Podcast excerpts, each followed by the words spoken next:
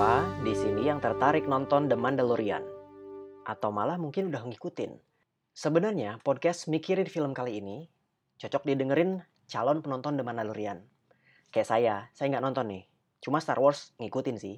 Pernah nonton sampai episode um, 7 lah. Nah, buat cari tahu tentang The Mandalorian, saya ngobrol sama Fatin. Langsung aja, kita ke pertanyaan pertama. Perlu nggak sih nonton Star Wars dulu? Ini sih kalau misalnya eh, apa namanya orang belum pernah nonton sama sekali Star Wars Universe, menurut gua sebenarnya bisa-bisa aja sih. Cuman kalau misalnya eh, udah pernah nonton Star Wars Universe sebelumnya, akan seru banget. Oke. Fresh banget kalau gue bilang. Jadi harus tahu Star Wars dulu ya untuk tahu Mandalorian. Menurut gua sih iya. Karena itu banyak kayak penokohannya gitu kadang-kadang tuh kalau lu nggak nyimak Star Wars, Mhm. lu nggak ngerti itu siapa. Tapi kalau lu nyimak Star Wars, lu jadi eh kok gini ya nyambung ke sini ya kayak gitu loh. Oke. Katakanlah gue tahu 6 episode pertama yang jadi saga eh, mahakaryanya Star Wars. Apa yang akan gue dapatkan dari Mandalorian? Itu menurut gua timelinenya masuk. Soalnya si Mandalorian itu kan dia kan kalau dari segi plotnya ya dia itu antara Return of the Jedi sama The Force Awakens. Darth Vader kalah kan, terus habis itu kan kekaisaran kan hancur. Cuman kan dia kan kayak masih ada sisa-sisa buat bangkit lagi. Bener. Dan akhirnya bangkit lagi kan, yang di Star Star Wars Force Awakens itu yang si Rey itu kan bangkit lagi kan dia Iya. First Order kalau nggak salah namanya ya. Iya. Nah ini tuh antara itu tuh di Oke. plot di plot antara itu. Oh, Jadi kayak sisa-sisanya lah. Iya. Nah dari situ dia mulai tuh masuk tuh si Mandalorian. Clear ya? Ini timelinenya di antara Star Wars episode 6 dan 7. Pertanyaan selanjutnya, si Mandalorian ini siapa sih? Mandalorian itu kan jadi tuh kayak semacam suku ya, suku Mandalor. Oke. planet planet apa gitu ya. Heeh. Nah itu tuh salah satunya tuh kalau misalnya lu nyimak eh, 6 episode sebelumnya ada salah satu ada salah dua contoh sukunya itu si Boba Fett sama si bapaknya si Jango Fett. Oke. Boba Fett kan muncul kan dia di yang Star Wars jadul ya, yang nangkep si Han Solo. Bener. Kalau bapaknya itu dia di Star Wars, kalau nggak salah yang Attack of the Clones deh, yang Oke. dia akhirnya mati sama si Mace Windu yang dipenggal kepalanya. Ini gue sambil Samuel buka Jackson. liriknya lagu Seringai ya. Bisa, bisa, bisa, bisa. Boba, bisa. eh apa judulnya? Fat Sang Pemburu. sang pemburu. Dan Mace Windu ada juga di liriknya. Mace Windu, kau akan mati di Hmm. tanganku. Begitu liriknya. Mm. Itu jadi seolah-olah tuh kayak kan karena waktu di eh, cerita sebelumnya kan si Mace Windu kan ngebunuh bapaknya si Boba Fett kan Oke. dipenggal. Karena? Makanya itu kayak sebuah dendam gitu ya bagi si Boba. Aha.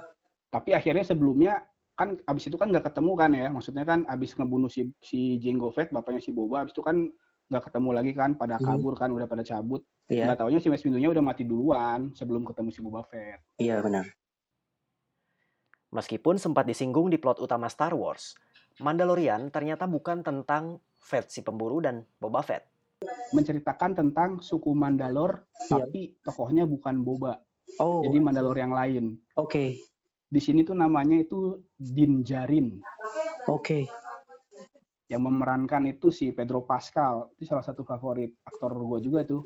Oh ya, jadi dibuka helmnya tuh. Eh, Iya, sempet tuh di eh, di season 1 episode berapa gitu. Sempet, tapi seharusnya itu jadi kan di Mandalorian itu kan di suku Mandalor itu kan dia kan ada kayak dua dua apa ya, dua sekte lah. Satu sekte yang klasik, satu sekte yang kayak istilahnya liberal liberal lah. Oke. Nah, sekte yang klasik itu dia tuh nggak boleh sama sekali membuka helmnya karena Oh. terkait dengan kepercayaan. Oke.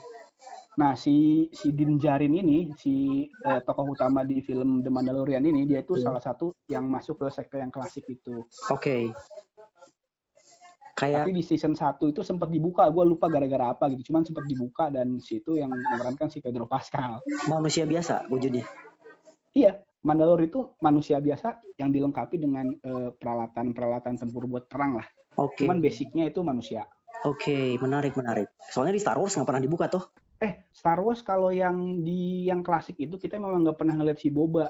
Cuman kalau yang di Star Wars yang Jango, Iya. Jango itu sempat ngebuka dia.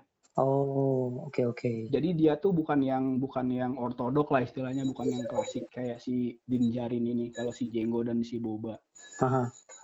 Star Wars sendiri seperti yang lu ceritakan, lu ngambil angle dari cerita keluarga ya. Star Wars kan Betul. tentang sebuah kerajaan far far away yang Mhm. punya anak yang ternyata terpisah, Betul. which namanya Luke Skywalker dan Leia. Leia. Lalu mereka tergabung ke sebuah Rebel Alliance untuk menjungkirkan pemerintahan galaksi Galactic Empire yang dinilai lalim gitulah ya. Ya. At the end of the day, ketahuanlah bahwa ternyata jenderal perang di Galactic Empire adalah bapak dari Luke Bapaknya. Skywalker sendiri. Mandalorian ini ada kisah serupa yang bertema keluarga itu. Eh, Star Wars itu ya intinya sih kayak ini ya, ada kelu keluarganya gitu kuat lah. Di Mandalorian juga ini gua nemu ke arah-arah situnya kuat tuh, kayak Hmm. Cerita-cerita eh, keluarga kelua kekeluargaannya tuh kuat banget di Mandalorian sampai sejauh episode kemarin baru rilis yang gua tonton ya. Mhm. Season 1 ternyata bahas Baby Yoda, yang ternyata nggak terkait langsung sama Master Yoda. Kalau kamu mau tahu langsung soal siapa Baby Yoda sebenarnya, lebih baik nggak dengerin bagian ini sih. Langsung skip aja ke 2 menit selanjutnya. Masuk season 2 ya? Sekarang season 2 betul. Season 2 episode berapa kemarin ya? 5 kayaknya Oke. yang paling baru. Nggak kayak Netflix ya. Kalau Netflix per season tuh langsung dijebret 10 episode gitu. Mm-mm. Ini Disney Plus itu kayak per minggu satu, per minggu Oke. satu kayak gitu. Oke.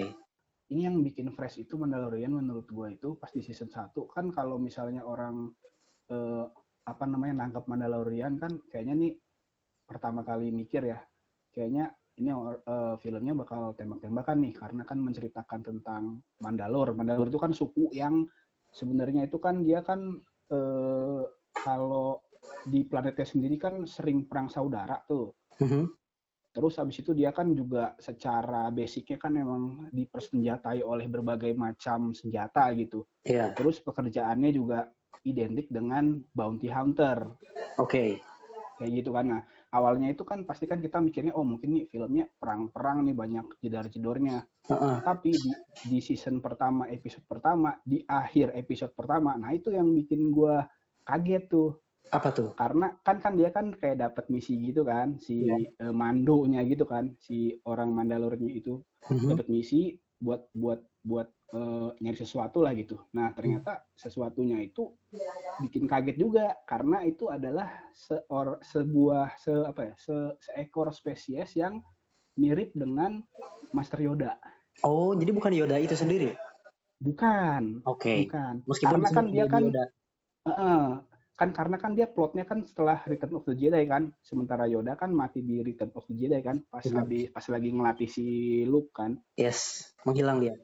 Mm, ternyata itu tuh karena eh, mirip Yoda gitu satu spesies jadi banyak orang-orang yang menyebut itu kayak Baby Yoda padahal sebenarnya bukan dan Oke. terjawab kemarin di episode terakhir kemarin itu terjawab ternyata dia cuman kayak satu spesies aja namanya juga Gro Grogu apa siapa gitu Oke. oh jadi spoiler Iya ya, nggak apa-apa sih, gue nggak bakal nonton. Terus Itu sih bahasa yang- yang bikin- tense-nya berbalik-balik juga sama kayak Master Yoda. gimana gimana? Enggak enggak. Dia ngomongnya itu bahasanya eh, bahasa aneh gitu. Nah si Mandonya itu nggak ngerti bahasa si the child itu. Dia kan disebutnya the, the child ya kalau Oke. misalnya kayak di sinopsis sinopsis gitu nggak ngerti si Mandonya itu. Jadi cuman kayak pakai bahasa anu inu anu inu gitu doang. Hmm, seruan mana dibanding Star Wars? Aduh, kalau dibilang seruan ini gue bilang fresh sih Fresh. soalnya kayak kan eh, kayak spin off di luar Star Wars kan kayak misalnya Rock One terus kayak Solo gitu ya Bener. menurut gua rada biasa sih ceritanya Aha. cuman Mandalorian ini ya banyak kejutan sih kalau gue bilang Oke. mungkin karena dia formatnya eh, series ya jadi Iya. bisa dalam banget gitu buat Hmm. ngulik tokoh-tokoh atau nyambung-nyambungin gitu sementara kayak Rock One dan Solo kan dia kan eh, movie ya Mm-mm. jadi mungkin nggak banyak yang bisa diceritain Oh, saling melengkapi sih mas menurut gue ini Cuman The Mandalorian ini fresh dan menurut gua menarik sih, apalagi buat orang yang nyimak Star Wars Universe. Keren. Yang paling lo suka tuh plotnya? Plotnya sebenarnya biasa sih mas. Oke. Okay. Kejutannya sih kalau gue bilang. Uh-huh. Jadi plotnya biasa sih maksudnya kan dia kan sekarang kan lagi sama si Baby Yoda itu kan. Iya. Itu kan ada misi lah istilahnya ada misi besar. Cuman hmm. di balik misi besarnya itu dia kayak ada misi-misi kecil loh ngapain ngapain tiap episode oh. gitu loh. Oke okay, Nah tapi di tiap di tiap di tiap misi-misi itu dia biasanya bertemu dengan tokoh lain gitu. Nah tokoh lain itu kadang-kadang tuh ada hubungannya dengan Star Wars Universe. Hmm kayak misalnya di epi, yang di season 2 episode 1 nah di akhir episode itu itu ada ada tokoh yang cuma dilihat dari belakang yeah. dan kita semua mengira-ngira bahwa dia adalah Boba Fett okay. karena dia lagi main ke planet Tatooine yaitu planet terakhir yang Boba Fett yang dimakan itu dimakan apa Sharlock apa siapa gitu yang monster itu iya yeah. nah itu di akhir film tuh dia kayak ada uh, scene gitu ngeliatin punggung orang kepalanya hmm. botak. Hmm. Dia lagi ngeliatin si Mando ini lagi pulang abis nyelesain misi. Hmm. Jadi kan jadi kan menimbulkan pertanyaan kan anjir nih siapa nih? Kayaknya si Boba Fett ini kayak gitu. Ada tokoh baru nih, namanya Ahsoka Tano. Hmm. Terus di lain episode nih, di episode yang terakhir kemarin, dia akhirnya kan ketemu uh, Jedi, yeah. namanya Ahso Ahsoka Tano. Nah Ahsoka Tano itu dia itu adalah padawannya si Anakin Skywalker. Cuman di cuman di Star Wars yang 6 series yang jadul itu dia nggak diceritain, dia diceritainnya itu di film kan Star Wars ada kayak kartunnya gitu ya. Oh iya iya. Kalau nggak salah di Clone Wars di situ oh. tuh diceritain ada si Ahsoka Tano sama perjalanan Ahsoka Tano sama si Anakin Skywalker. Nah itu muncul di Mandalorian season ke episode kemarin tuh. Oke. Okay. Terakhir nih, ada satu fakta kecil tentang awal ketertarikan Fatin ke serial Star Wars jadi tuh ini tuh gue mulai mendalami bukan mendalami sih kayak mulai nonton nonton Star Wars tuh gara-gara sebenarnya ya lagunya seringnya itu. Oh ya mm. gimana gimana? Itu, itu kan kalau nggak salah si Fat Sang Pemburu ya ada di album Taring Taring, Taring itu tahun 2000 2012 2013 gitu. 13-an benar. Uh, nah habis itu tuh kayak penasaran kan. Uh -uh. sebenarnya siapa sih tuh? Ternyata setelah gua tonton yang jadul dulu kan ternyata si Boba Fett itu sebenarnya nggak nggak banyak banyak amat gitu perannya. Cuman kok kayak dikultuskan banget gitu. Sama si Seringai. setelah, nah maksudnya selain sama si Seringai sama orang-orang juga kenapa dia dikultuskan banget sampai muncul seriesnya kan sekarang kan? Iya. Padahal secara porsi di film tuh kayaknya dikit. Iya. kan bikin bingung kan? Bener-bener Nah mulai dari situ dari dari si seringai itu jadi kayak nonton nontonin lagi terus kayak pertama gue nonton yang jadul dulu, habis mm -hmm. itu nonton yang satu dua tiga, habis itu lanjut aja yang di bioskop gue tonton gue tonton. Oke, okay, that's all untuk edisi mikirin film ke-7. Bagi jemaah Star Wars ya, selamat menonton ya season kedua The Mandalorian. Nama saya Reza Ardiansyah. Bye-bye.